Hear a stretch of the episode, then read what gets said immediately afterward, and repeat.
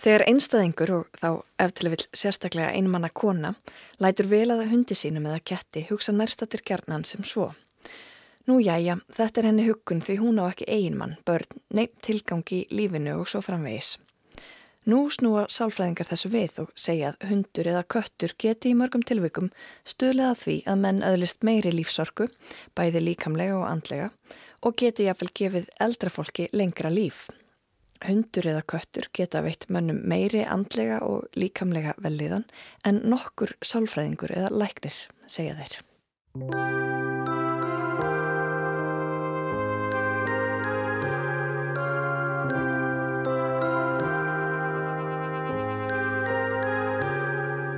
Hér heyrðum við brotur greininni Sálfræði og gælutýr eftir Jórunni Karlsdóttur sem byrt var í morgunblæðinu í ágúst 1986. Þú ert að hlusta á glans. Já, það hefur lengi verið okkur kunnugt að nærvera við krútleg og góð gæludýr getur haft afskaplega góð áhrif á okkur mennina. Svo virðist vera sem dýrin hafi mikla þýðingu fyrir okkur og tengslokkar við þau geta verið nöyt sterk. En Einmitt þess vegna getur verið virkilega erfitt þegar kemur að því að þurfa að hveðja kæran dýravinn. Hvernig er missirinn þegar gæludýr á í hlut? Er sorgin frábröðin því þegar mannkins ástunur fellur frá? Hvernig lítur samfélagið á þess konar sorg og missi? Hefur orðið breyting þar á? Hvað gerist þegar dýr deyr? Hvað verður um það?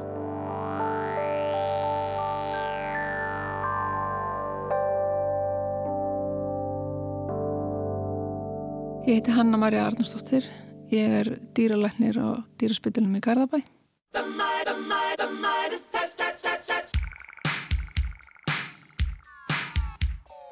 Touch, touch, touch.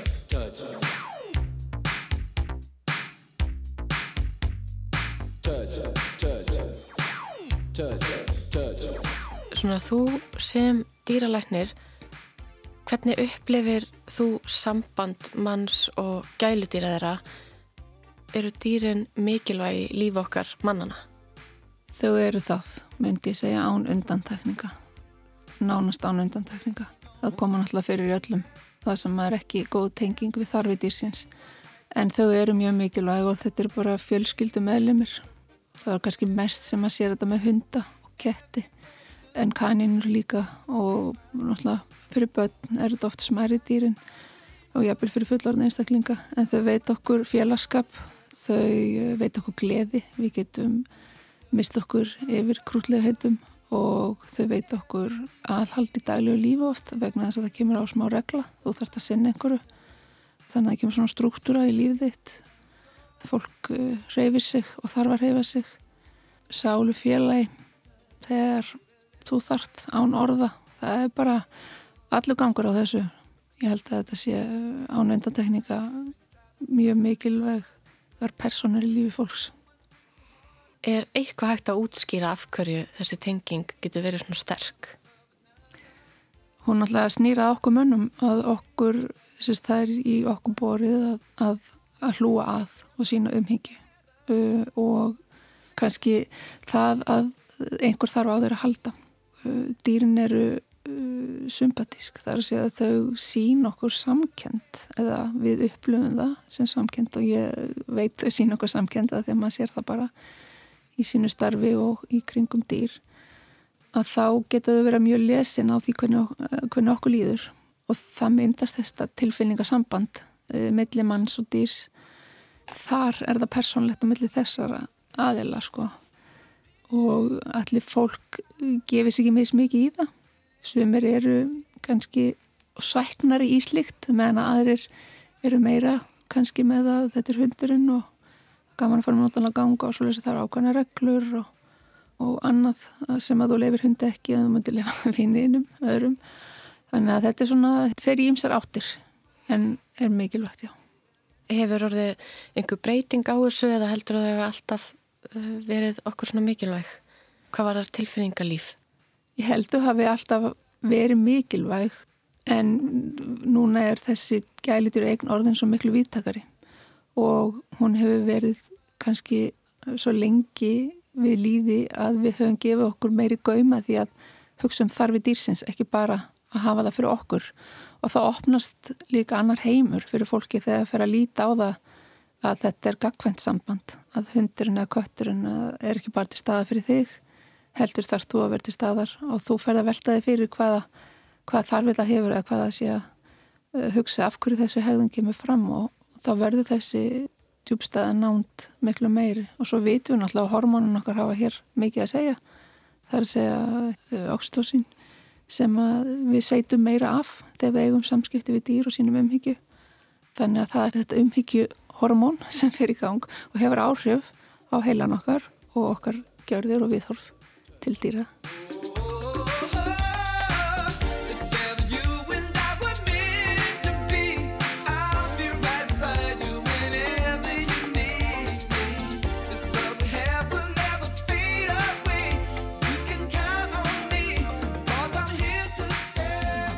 Nú verði skemmtilega forvitin að vita af hverju þú ákvæmst að gerast dýralegnir.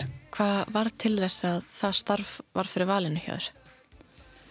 Það var aldrei neitt starfi fyrir valinu, aldrei voru urði dýrin fyrir valinu. Þetta er svona mjög mikið klísja. Ég held ég að verið fjögur ára, sex ára og gæti aldrei átt dýr, bjóði blokk, bregðaldi og mátt aldrei að dýr fekk svo kött gefin sjá nágrannum fyrir nýðan í mikil óþökk við fóröldra minna og fekk þess að dæmi gerði sögu þegar það var ekki hægt að hafa köttina þannig að þetta sig alltaf fara niður á svölunum og fór á flakk að hann myndi færi í sveit. Og þráði alltaf eignast fleiri dýr og var óþólandi krakki í kringu þá sem áttu dýr. Þannig að það, það var þannig. Og eftir á hefur þetta orðið ekki bara væntum því ekki við dýr heldur fyrst með fæi mjög spennandi. Finnst allar hérna rannsóknir sem við eh, hefum unnið í þáum mannkins. Við höfum að hrósa dýrunum fyrir það vegna þess að það byrjar á því leveli alltaf. Og, og hérna læknisfræði er bara mjög spennandi fag hvort sem það eru menni eða dýr. Og áttu í dag þá fleiri dýr? Ég á í dag fjögur dýr, já. Ég á þrjá hunda og einn gött. Æði, og það gefur lífinu lit? Já, já, það gefur lífinu lit. Það er, þó maður vinni við þetta, þá, þá maður líka að eiga sína vinni. I never dreamed you'd leave in summer I thought you would go then come back home Þá í kannski svona aðeins minna skemmtilegar pælingar að því miður þá tekst ekki að lækna öll dýrin og þau falla frá alveg eins og við mannfólkið. Hvað gerist þegar dýr deyr og hvert er uh, ferlið í kringum það? Kanski ef ég byrja bara á því að spurja þig hver er helsta dánarásökin til dæmis á hundum og göttum? Er hægt að segja eitthvað til um það? Nei, það er þá bara gagvar tilfinning, eftir tilfinningu sem ég myndi svara hér að að er ekki með tölulega staðrendir. Ég blessunarlega telja að það sé oftast elli og sjúkdómar sem fylgja ellinni í dag þó það hafi ekki verið áður sko. Þau geta fengið alla þá sjúkdóm sem við fáum. Slísing gerast hjá þeim líka. Áverkar sem að gera það verkum að dýrið getur ekki lifað verkeflösu og góðu lífi. Gera það verkum að þau eru þá svæð fyrir en ella en í flestum tilfellum og það er ofta erfiðasta kannski sérst, fyrir eigundi sem hafa fyllt síni dýri í 12-14 ár það er að taka þessa ákvörunum að nú ætla ég að sleppa þér hendinni. Og það dýri búið að gefa öll sín 12 ár meðan að við erum bara búin að gefa enn 12 ár okkar lífi. Og það er, það er hvort sem þú missir dýrið við bráða aðstæður eða við þetta þá er það erfitt. Og er það alltaf í höndum eigandan að taka þá loka ákvörðun? E, nei, það er ekkit alltaf vegna þess að stundum þarma vegna dýra velferðar að stíga fram og segja nú verður við að fara í þetta. þegar fólk er blind á aðstæðu dýrsins þá er það dýralagnar sem að þurfa að draga línuna. Hvernig er að þurfa að eh, færa einhverjum þær fregnir? Það er bara eins og í öðrum fögum þegar þú þarfst að gera það. Það er erfitt, það er aldrei ljúft, það er vandasamt og þú þarfst að lesa, reyna að lesa fólk uh, hvort að það er tilbúið fyrir fréttinnar og yfirleitt er það líka ekki þannig að það er hér og nú uh, það er svona einhver aðdraðandi að því.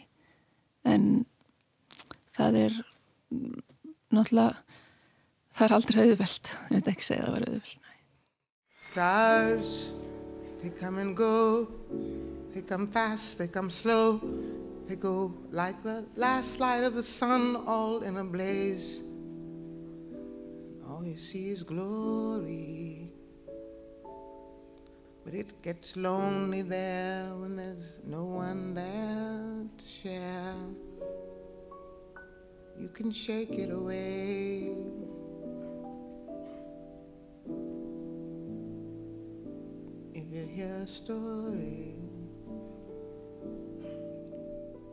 Og hvernig eru viðbröð eigendana?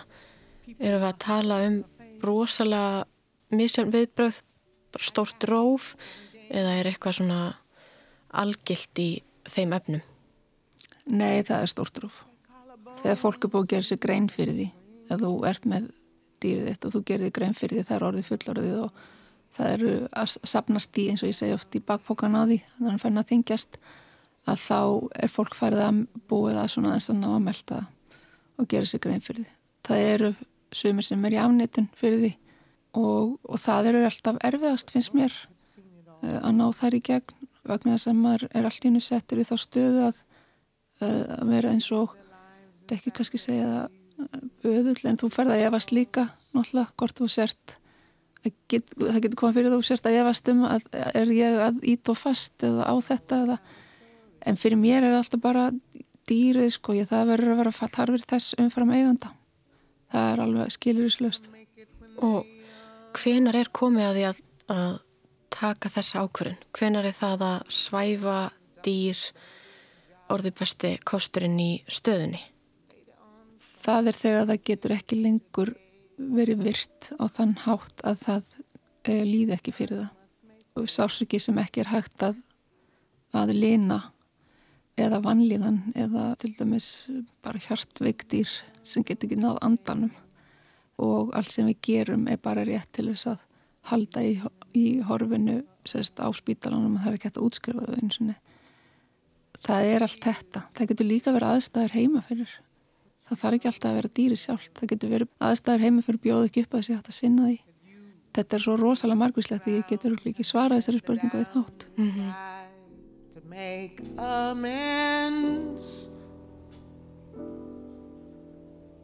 Without defending Nú setti þjóminnesafnið könnunum gæludýr fyrir landsmenn og þar spurðu þau meðal annars um hvað fólki finnist að það ætti að veita veiku eða slösu gæludýri mikla aðlýningu til dæmis út frá fjárhagslegu, tilfinningalegu eða praktisku sjónamiði. Hver er svona þín reynsla af þessu? Er flestir tilbúinir að gera hvað sem þarf? Þetta er líka mjög misjönd og þetta er líka vandarsamt að taka á. Við verðum að vera kannski sveianlega með þetta vegna þess að þetta er ekki spurningum að sé hægt að gera allt af því að það verður líka takin í aðstæður og það að gera allt er ekkit endilega það sem tryggir gott líf. Hins vegar er þetta samtala á milli okkar og eiganda alltaf og verður að vera opið og upp á borði, kostnaður og hvað hægt er að gera og væntingar um bata, væntingar um lífslengt. Ég segi alltaf að það borgar sig alltaf fyrir dýrið að losna við verki og, og lifa. Ef við getum varið að eitt ár, fyrst okkur kannski ekki mikið ef við bætum það við. Segjum sem svo að þessi hundur sem að sé að fara í hverja stóra aðgerð og það að fara í aðgerðina gera það verkum að hann geti lifað hugsaðlega hálft ár til eitt ár í viðbót, kannski tvö og þá er það þessi vafi sem er settur í hendur og ég endur að þú verður sjálf og taka afstöð til þess hvort að það er eitthvað sem þú leggi út í út frá fjárháslegu sjónamið og eins líka út frá e, lífskeiðan dýrsins sem við getum þá upplýstum og við getum ekki verið dómar ef fólk tekur ákvörnum að enda lífið þarna. Þá finnst mér það bara líka góð ákvörnum fyrir dýrið því þú ert líka hugsa um að leggja ekki meira á það. En það er mjög mismunandi millir fólks hvernig það taklar þetta og, og það er líka hinn vangur en kannski það sem að áður fyrir var sérst, litið á að fer ekki að leggja þennan kostnað þá getur við heldur ekki verið dómarinn þar að fólk verið líka með þetta hvað það vil setja sína peninga í. Ef að við getum aðstofa dýrið og gert það verkum að því líði vel eftir meðferð hjá okkur þá er það eigandans ákvarða fjárhastlegu hliðina en ekki okkar Þannig að þetta er í rauninni bara mjög, mjög einstaklingsbundið fjölbreytt og, og svona ótrúlega margir þættir sem geta spilað inn í þessa einu ákvörðun. Mjög margir þættir. Fyrsta lagi er það að, bara sjúkleikin sem heitir staðar, skilningur á eftirmeðferð og hvort þú getur fyllt því eftir sem eigandi. E, aðstæður, fjáraslegar, e, fólk býr eitt, býr kannski það sem að það þarf sjálft að fara niður tröppur með kannski hund sem er þungur eða eitthvað. Allt þetta þarf að vera upp á borðum þegar við tökum og mér finnst fólk bara mjög skynnsamt og það vil dýrinu sínu best en ég er samskynnsamt í þessum efnum. Yfirleitt. Það er, það er hendinga að sé finnst mér eftir gott samtala þannig að þetta byggjar alltaf samtali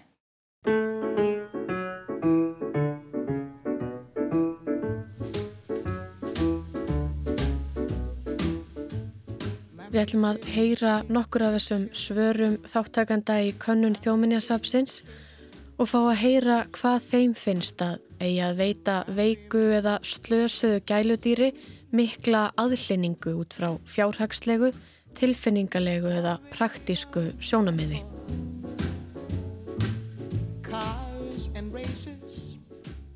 Mér finnst að þau að fá eins mikla aðlinningu og er praktíst. Þau ekki að þurfa að kvæljast en ég hef þó gert segum það af eigingirni að geta ekki látið þau frá mér. Stóru dýrin, kettir og hundar, voru öll sjúkdómatreið og því hef ég haft tök á að veita þeim góða aðleiningu. Ég hef veitning látið krifja mörg þeirra ef sjúkdómsgreiningin var ekki skýr þegar komað því að svæfa þau. Mér finnst að það er að hlúað veiku dýri upp að því marki að það geti átt gott líf eftir. Ef það mun hins vegar áfram lifa erfiðu og kvalafullu lífi, finnst mér að það eigi að lina þjáningar þess. Mér finnst að gæludýr eigi að fá alla þá aðlendingu sem er í bóði og ég er ekki sammála því að lóa dýrum um leið og þau verða eitthvað veik. Ég myndi persónulega borga aðleguna til að halda mínum dýrum á lífi og þætti það einungis eðlilegt og ekki til að talum. Alveg eins og það er ekki spurt, eigum við að bjarga þessum höfu efna á því þegar fariðið með stórslasaðan einstaklinga á spítala. Varðandi spurninguna um hver mikla aðlendingu eigi að veita veiku eða slösuðu dýri þá á að veita því jafn mikla aðstóð og mannesku. Personlega finnst mér vera að fá takmörk á því hversu mikla aðlýningu veik dýr ætti að fá svo lengi sem þau þjást ekki. Ef dýrið finnur til en gæti farið í kostnaðasama aðgerð sem myndi bæta það, ætti að senda það í aðgerðina óháð kostnaði. Hins vegar, ef það eru litla líkur á því að aðgerðin lægi sásökan, eru það óþarfa kvalir að setja dýrið í gegnum. Mér finnst umurlegt þegar fólk getur ekki leift dýri sínu að fara ef það er orðið gamalt og því að farið að líða illa.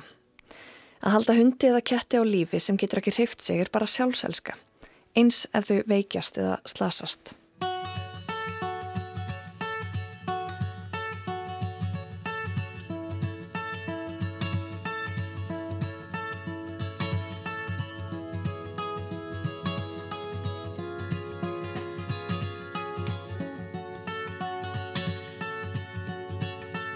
Woke up to the morning sky first. Baby blue, just like we rehearsed. When I get up off this ground, I shake leaves back down to the brown, brown, brown, brown, till I'm clean.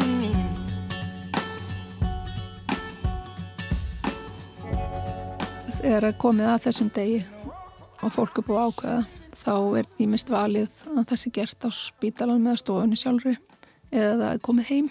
Það er líka búið upp á það.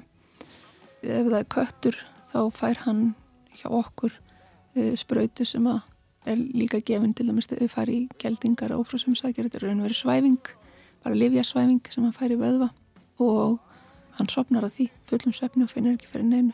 Svo fær hann aðra spröytu sem að gera það verkum að hjarta lamast, fær í raun og veru hjarta áfall í svefni þá sem að gera það verkum að hann á örfáum bara sekundum er farin.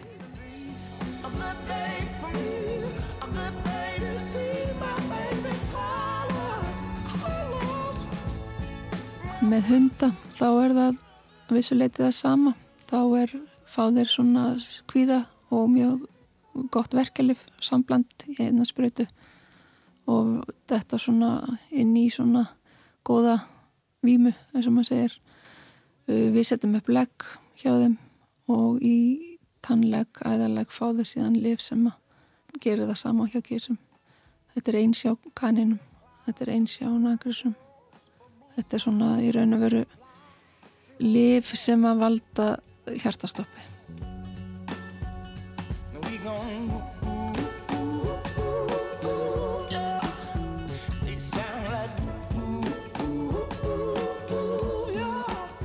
Og vita dýrin í hvað stefnir?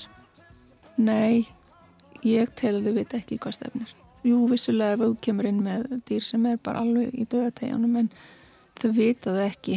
Uh, þau vita að eitthvað stendur til og þau finna það á fólkinu sínu af því að það er búið að vera einhver svona sálar angist náttúrulega einhverja dag undan sérstaklega þegar það er ákveða þetta og það þá sérstaklega hundanir. Þannig að þeir eru, geta verið stressaðar af því að þeir sjá af að manneskinn þeirra sérst, henni líður illa og það þekkja það allir sem eiga, eiga dýr, hund sérstaklega og ketti líka getur verið að þeir koma og íta við okkur þegar okkur líður illa. Þeir eru með áhuggjur eins og ég segi en þeir viti ekki að þetta snúist alltaf þeim, en svo ofta líka er það þannig að allir starra á þau sko.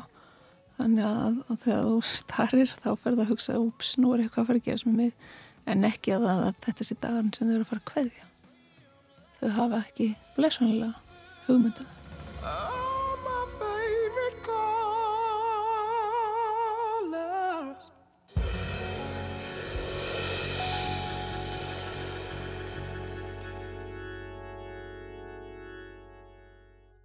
Talaður um að það er að koma upp á spítala eða fá heimasvæfingu.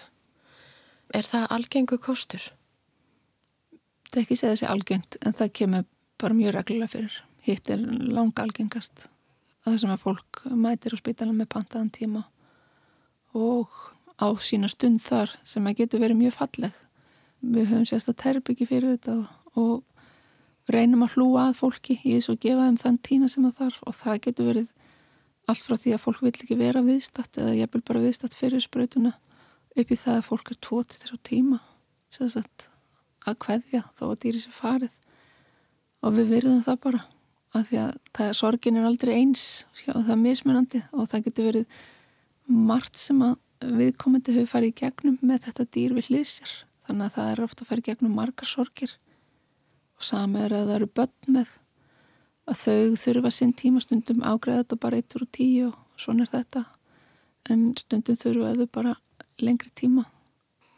Þegar þú segir að stundum ákveður fólk að, að vera ekki með er það þá oftast það að það treystir sér ekki til þess? Já, bara treystir það sér ekki til þess að vera til staðar.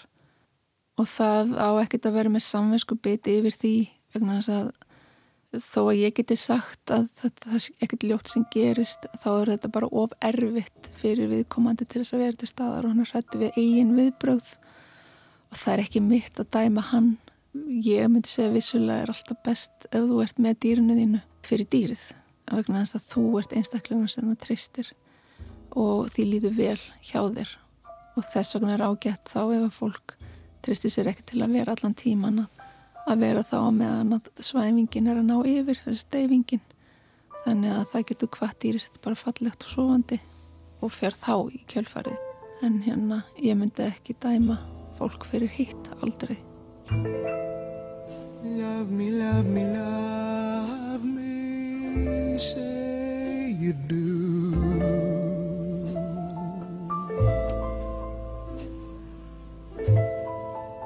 Let me fly away with you. For my love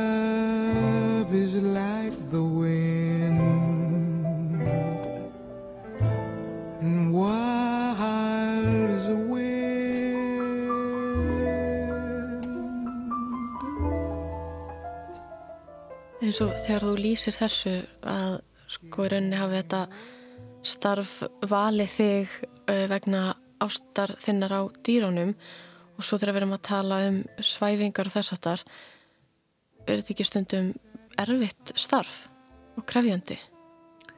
Þetta er erfitt og mjög krefjandi starf. Dýralækni starfi er bara mjög erfitt og krefjandi vegna þess að þú ert að eiga við tilfinningar allan daginn. Tilfinningar eiganda og dýra. Þessi starfi er erfitt og krefjandi einmitt vegna þess að þú ert með ákveðum völd til að stjórna líf og dauða. Það er að segja þú, þú ert að taka líf þegar við horfum í augun á dýranum og við setjum upp leggin og gefum lífin að þá erum við að taka lífið af þeim. Við erum að aflífa þau eins erfitt að fólki vist að sjá þetta til dæmis á reikning af lífun en, en það er það sem við gerum og það er hlutaði líka verið dýranhælnir, það er að líkna þegar þú getur ekki laknað. Mér finnst það í sjálfu sér bara góð læknis aðgerð þegar ekkert annað er framöndan en þjáning og meiri þjáning og þá finnst mér ég vera að í rauninu vera að gera bestu aðgerð sem ég get gert fyrir dýrið í þeirri aðstöðu. Þannig að ég hef kosið að líta á það sem hluta mínu starfi. Auðvitað er það mjög erfitt og það var, ég held að fyrir kannski 10-12 árum síðan að 15, þá var þetta miklu algengara með heilbreytir. Mér finnst það að hafa minkað mjög mikið, allavega í mínu starfi, það sem ég finn. Og við erum komið með önnur úrræði og fólk er líka farið að horfa á þetta öðruvísi en það kemur náttúrulega fyrir inn á milli en eins og segja við höfum önnur úrræð og það er 99% tilfellir sem fólk segir takk, já, ef að þú getur hjálp mér að finna því annan stað að þá þykir það. En það var mjög erfitt með heilbryttir sem þú vissir. Það er ekki spurningum að geta þetta en þetta er bara verk. En þú svona, ef eitthvað er þá maður erfiðar að með það eftir því sem maður vinnur lengur við þetta. Að því að þú dustar þetta ekkert af þér þannig. Um, en hérna þetta er bara hluta því að vera dýralæknir. Það er að, að geta tekið þessa ákvörðun og stundum er þetta besta ákvörðun fyrir dýrið og þá líður mér vel að geta gert það.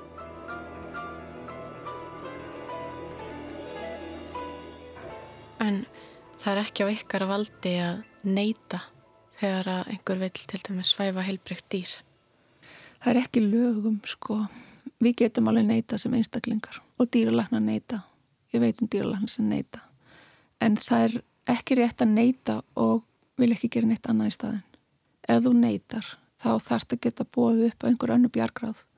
Þannig að fólk far ekki bara á næsta spítala eða á einhvert annað. Því þá ert ekki að gera neitt.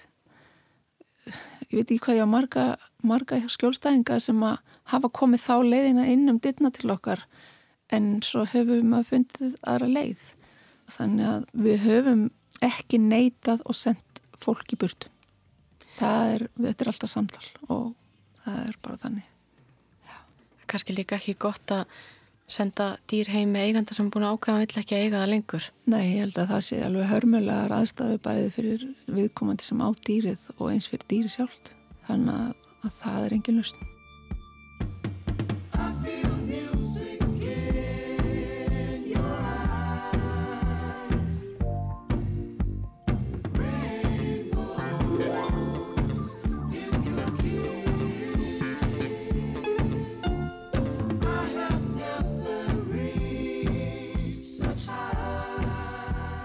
að þínu mati og það sem að þú kannski serð og horfir upp á hvaða áhrif hefur það þegar dýr fellur frá fyrir eigendur þeirra? Það hefur náttúrulega sér sorg og söknuð án vafa. Aðdrægindin skiptir svolítið máli. Gerist þetta skindilega eða var þetta, og var þetta ungdýr eða var þetta dýr sem þurfti að kveði eftir langt og farsall líf. En það er alltaf sorg og hann er allir saman hvort þú vart að missa mús eða mann. Og sérst, ef þið þykir væntum viðkomandi þá finnur þið til einhverjar sorgar og svo söknuðar kannski. En þú ert misflótur kannski að jafna þig á því. Svolítið öðruvis að missa eitthvað nákominn ættingi að heldur en að missa hamsturinn eða að missa hundin en það er samt sem áður hún er eins uh, vegna þess að tilfinningarnir sem koma upp eru það sömu Tólum eins og missir dýr þetta þegar það er kyrta og það kemur allt þetta upp nei, afnetun og, og reyðika hvert því sem gerðist og uh, samvinskubytti verið að hafa ekki loka hurðinni eða allt þetta kemur upp og svo hitt að þegar þú kannski ert að segja bless við 15 ára kísu sem er búin að sitja við hliðir þegar þú varst að vinna háskóla prófum þín öll og allt svo leiðis og situr bara þarna og malar og er bara raun og verið til staðar þá ertu líka sirkja þann tíma sem þú áttir og allt sem þau sem að gekk á í lífiðinu þá og sama með hundin sem að, sem að þú hefur átt í einhvern veginn ára hann kemur ekkit aftur. Og allt þetta sem veitti þig gleði, hvað núna? Veist, nú er hann ekki, get ekki ímynda með lífið án hans eða hennar. Fyrir viki þá þá ferði gegnum alltaf þessi sorgarferðli og svo er samfélagi kannski ekki alveg eins opið fyrir að þú missir hund eða þú missir til dæmis ömmuðina eða eitthvað svo leis eh, þannig að það getur verið erfitt að sína sorgina. Og sumir sorgin er mismunandi veist, og söknun er mismunandi, fólk sínir þetta mis mikið og, og finnur mis mikið til, til þess. Þannig að sorgin er, er að þú missir einstakling út úr þinni fjölskyldu eða, eða ert ein, ein manneska til dæmis, þá er þetta oft eini vinnurinn það hlýtur að fylgja því söknar það, það er ánoks vafa. Og svo bara eins og segja þetta misfljótur að koma í gegnum það. En oftast þannig að fólk bara er með þakklæti í hjarta yfir að fá að deila lífinu með þessu dýri.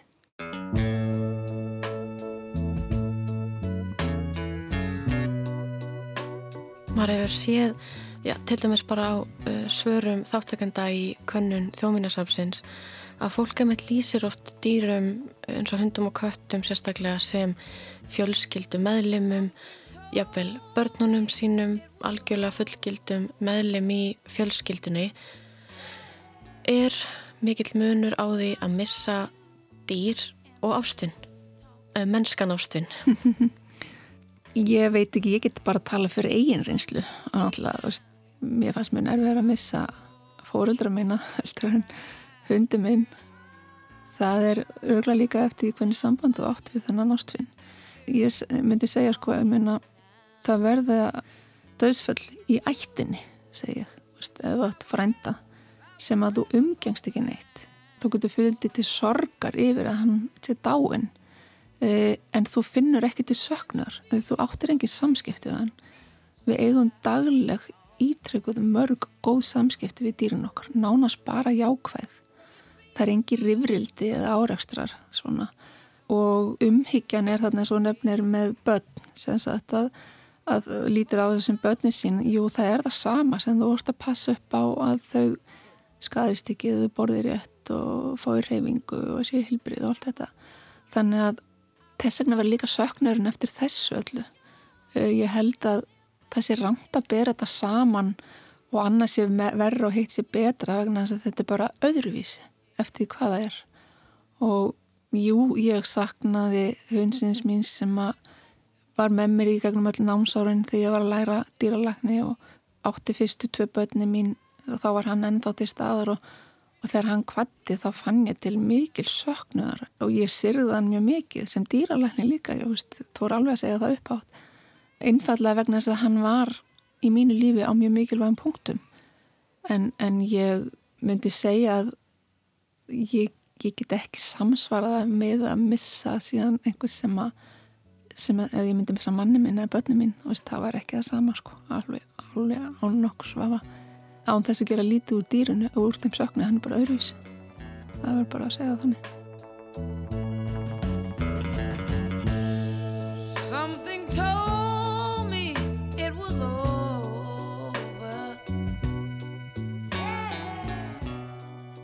Við ætlum þá að heyra frá svarendum könnunar þjóminjasapsins um þeirra upplifun af missi og sorg.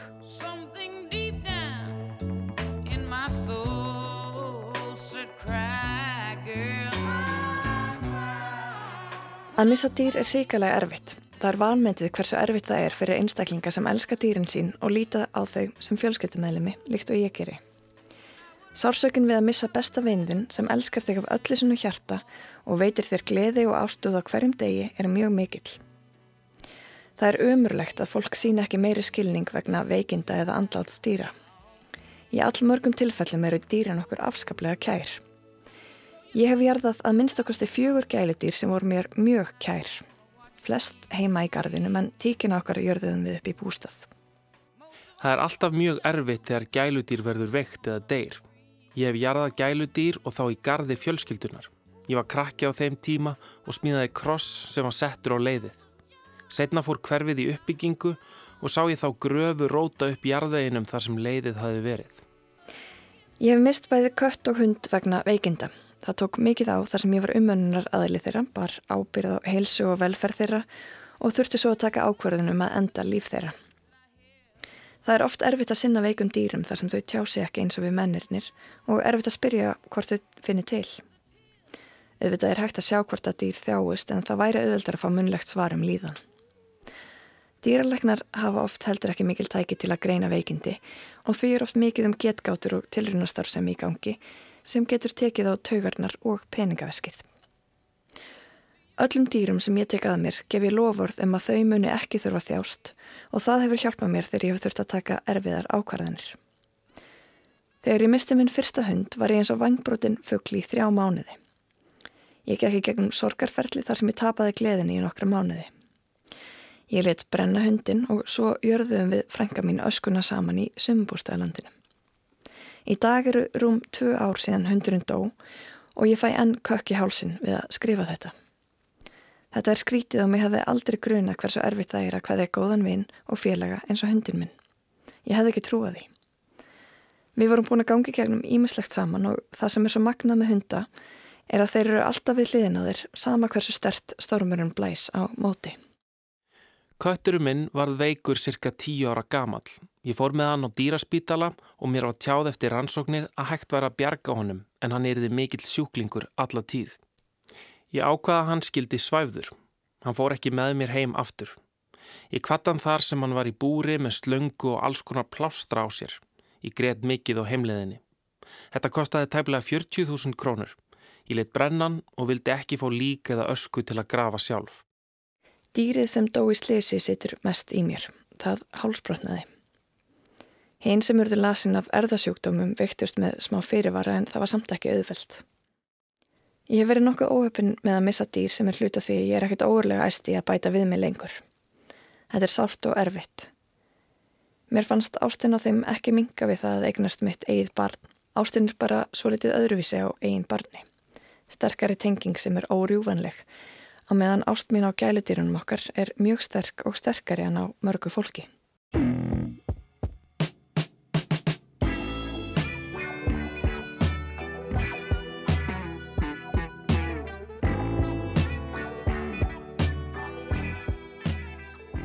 Ég rætti svo við Ágúst Ólaf Georgsson, sérfræðing í þjóðháttasafni Þjóðminjasafns Íslands um svörin.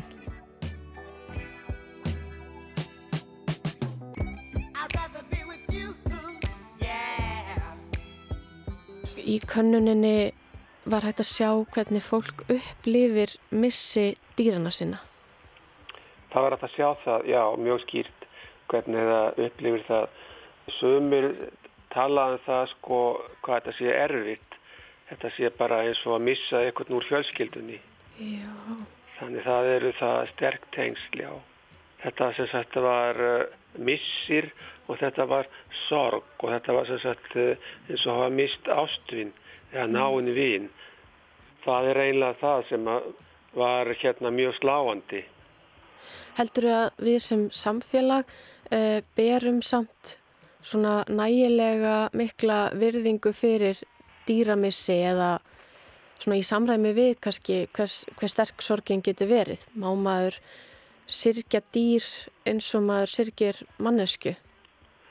Já, ég held það. Mér finnst þetta finnst þess að hafa verið svara þannig að það sé ekki neitt svona sem menn séu að fela. Heldur að það sé þess að raunveruleg sorg og raunverulegu missir sem er verða fyrir. Svo geta menn náttúrulega eins og er algjörnd lendi í því að þurfa að svæfa hérna mm. dýrin sín og uh, uh, það er til kirkjugarður hérna, ég held að sé hérna fyrir austan fjall en margir, sagt, eða sumir segja frá því að þeir hafa látið grafa skældur í sitt hundinu eða köttin og, og sett svo krostmark á leiðið þeirra til þess að týna því ekki já þetta svona bara segir sína sögu hvað þetta er mikilvægt Svona þessi, þessi sterkar sorg og þessi missir, e, er þetta ekki talsverð svona viðhorfsbreyting frá því sem áður var? Jú, það er það náttúrulega af því að hérna, þetta er ekki það langt síðan að menn voru konu með þetta á heimili sín og hérna ég held að það sé líka hérna svolítið öðruvísi viðþór kannski gagvart hundum til dæmis sem að eru svona meira eins og vinnu, vinnudýr sko en uh, ég held að þetta sé bara mjög mismunandi og þetta sé bara eitthvað, já, bara samþygt þannig lagað. Mm -hmm. Þannig að svona tilgangurinn á bakvið dýra eignina gæti líka skipt máli hvað þetta varðar í rauninni. Þannig ef að þú átt sagt, hund sem er vinnuhund eða hund sem er gæludýr að ástæða fyrir dýraegninni gæti skipt máli upp á hversu stert maður upplifir missin og sorgina?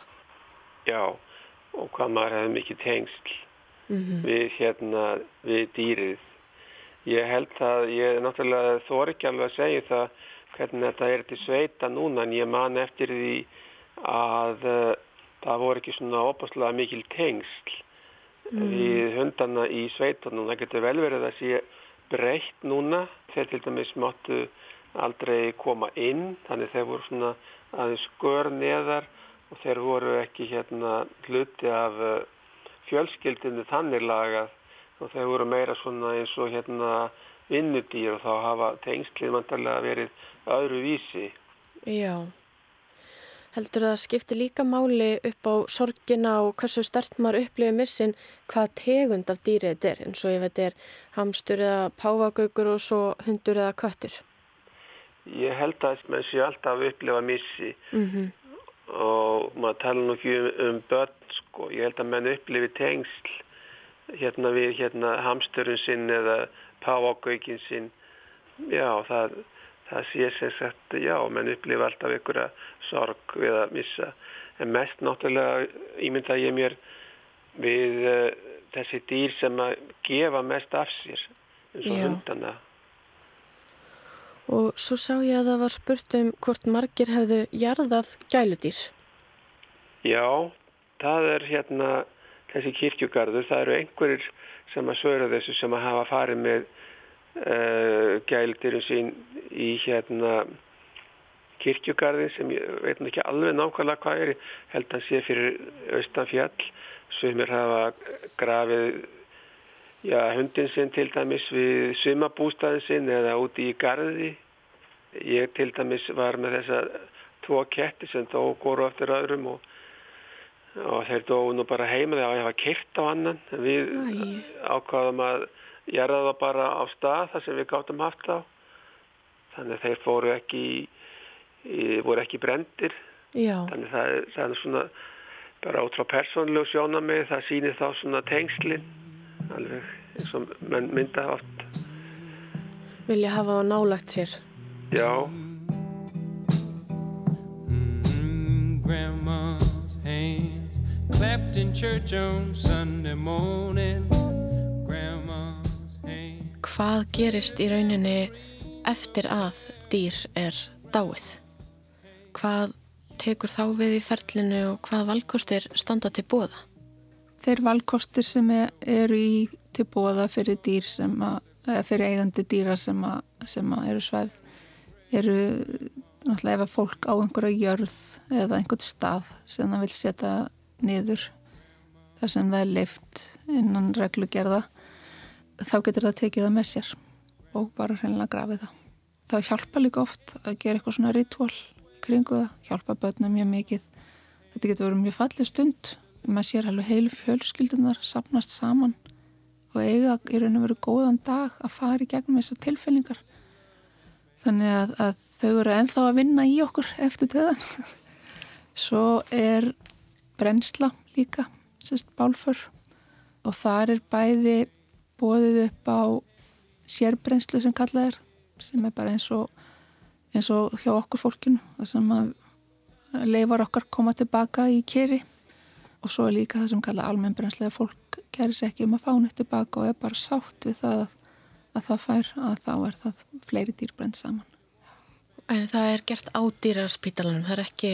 Nei, það er sérstökur staður, heitir Bálstofa dýrana hjá okkur, það er líka hjá eh, fleiri spítalum. Þetta er ekki á spítalum okkar, ekki sérst í okkar húsakynum, nei. Og hvernig er það hjá fólki leggur það mjög mismikið í þetta eins og í aðtapnir eða hvort það vilji fá öskuna tilbaka og Nei, ég held að þessi 98-9% leggur allt í þetta. Þegar ég segja allt, þá meina ég að það vil gera þetta eins vel, kannski mæli hverjum er ekki á hvort það grafið eða ekki, heldur bara að stundin sé falleg, þau sé með dýrinu það sé ekki að líða, það sé ekki rætt og að það sé sátt við aðra fjölskyldumæðlemi. Það er stundum erfiðast í hlutin að það er ekki sátt um í hvað átt á að fara. Mér finnst fólk yfirleitt, já, í 99% fyrir að gera þetta bara mjög vel. Og talar um að þú getur fengið öskuna tilbaka. Hvað er fólk að gera þá við öskuna? Ég spyr, ég vild ekki, en oftast eru þau bara sett nýður sum geimana og, og askana og fara með þeim þegar þau hverfa af þessar jörðu. Og aðri dreifinni. Ég veit um ösku sem hefur farið í svona keramikgerð. Einhverju hafa látið búið til hálsminn og svona það er bara allur gangur á. Það eru gert svona loppuför oft eða neppaför og það er sumir sem að láta búa til svona húðflúr eftir því á sig. Það fannst mér svolítið sérstatt og skemmtilegt, mér finnst það uppsla fallet Þú segir gera hálsmenn og gera mig er þá askan notuð í þeim já, tilgangi? Já, ask, askan er þá oft sett inn í hálsmenn e, eða þá að eins og þetta með, með gera mig það var listamæður sem að vildi öskunni tilbaka og ætlaði að búa til eitthvað fallegt Já Þannig að jarneska leifar hundsins voru orðnar af einhverju fallegri list. Lifa áfram. Já. Eru einhverju sem vilja láta stoppa upp dýrin sín eða ætla láta klóna þau svo þú vitið til? Nei, aldrei fengið. Ég fengi marga skrifna spurningar. Uh, við, sverum, við, við komum ekkert að því. Ég veit í gamla dag, ég veit um tvo sem fóru þannig. En þeir fara alltaf bara frá okkur til einhvers hamskera þá. En, en ég vil helst ekkert vita einhvers svolítið sem ég veist bara þau séu þegar þau eru farin þá fá þau að fara allt sitt. Og þegar þú segir setja öskuna nýður, er það þá í svona, í kirkjögarð í raunni? Það er til dýra grafreitir, veit ég. Það er einn á, uh, á Suðunessum og svo er einn að hörðabæki kjós. Einhverju fara eflust hangað, aðrir fara bara með öskuna í sveitina. Ég nefnir sem dæmi með hundin okkar sem að ég og sónum minn fórum upp á keili með hina hundana og þessi fór með í bakpoka og hlutafinni var eftir þessast í vindinum á hérna, Reykjaneskáðunum meðan að restin hérna var settu neyður við sumabústæðin okkar. Og það var góð tilfinning fyrir hann það var góð tilfinning fyrir mig líka sleppa henni að það var frekar óþekk þessu hundur. Fyrir mér er döðin bara við erum farin þegar við erum farin þannig að það var, þetta er persónulegt. Þannig að hver veit það er ekkert rámt og ekkert rétt í þessu segja það sem að þér finnst rétt fyrir þig það gerir þú. Og þú ætti ekki dæma það sem aðri gera eða gerir ekki eins og þú gerir. Þannig að, að þetta verður bara að fá að hafa sinn gang með það, maður getur haft skoðun á því að maður þarf ekki að, að, að hérna, gera þá skoðun að annara skoðun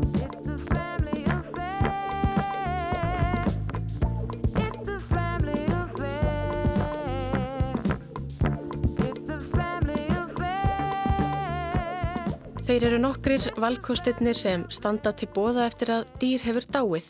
Eins og Hanna segir er hægt að jarða öskuna á engalóð eða í gæludýra gravreit þar sem svo er hægt að heimsækja leiðið. Fólk verðist fara misjaflega langt í þessum hluta ferilsins og er það mjög einstaklingsbundið á meðan sumir vilja ekki jarneskar leifar dýrsinsins eða styrta fisknum niður, kjósa aðrir að láta útbúa kistu fyrir dýrin, koma leggsteini fyrir á gravreitnum og jafnvel byrta minningagreinar í morgumblæðinu.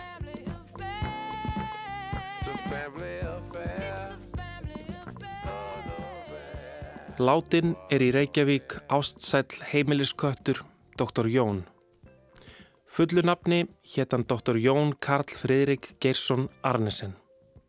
Hann fættist að fjólugötu 21 í janúar mánuði 1995 hjá þeim doktor Jóni K.F. Geirsinni og Sigrúnu Hjartardóttur. Ungur flutt hann að Sörlaskjóli 6 þar sem hann bjóð til dauða dags. Jón nam fugglafræði í Háskóla lífsins og útskrifaðist þar með doktorskráðu í atverðli spörfugla. Árið 1998 gerðist hann frjálsköttur í vesturbæi Reykjavíkur og sást æg sjaldnar heima hjá sér og gufaði að lokum upp svo hans varð ekki vart í rúmt ár. Talið er að hann hafi leigið í óreglu á þessu tímabili. Síðan byrtist hann á ný í sörlaskjólinu og fór að dvelja dag og dag á heimili sínu og jáfnvel nokkra daga í senn en það kom honum ágætlega saman við heimilisfólkið í flestum greinum. Jón hafði tildulega hægt um sig í ellinni en hafði þó daglega útivist og ratað um götur og garda í nágrenninu þótt blindur væri. Dr. Jóns er sárt saknað meðal katta og manna, útför hans hefur farið fram í kyrþei en þeir sem vildu minnast hins látna eru beðnir að láta fugglavinnafélagið njóta þess.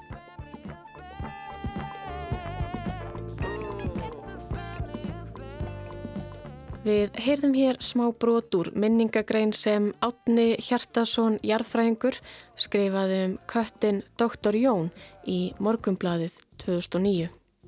Þá eru aðrir sem vilja halda fast í minningu dýrana um ókomna tíð og ganga mislangt í að ná því markmiði. Sumir kjósa að láta stoppa upp dýrin sín, gerur þeim skarkrippi eða skrautmunni fá sér húðflúr eins og hanna bendi á eða láta jafnvel klóna dýrið.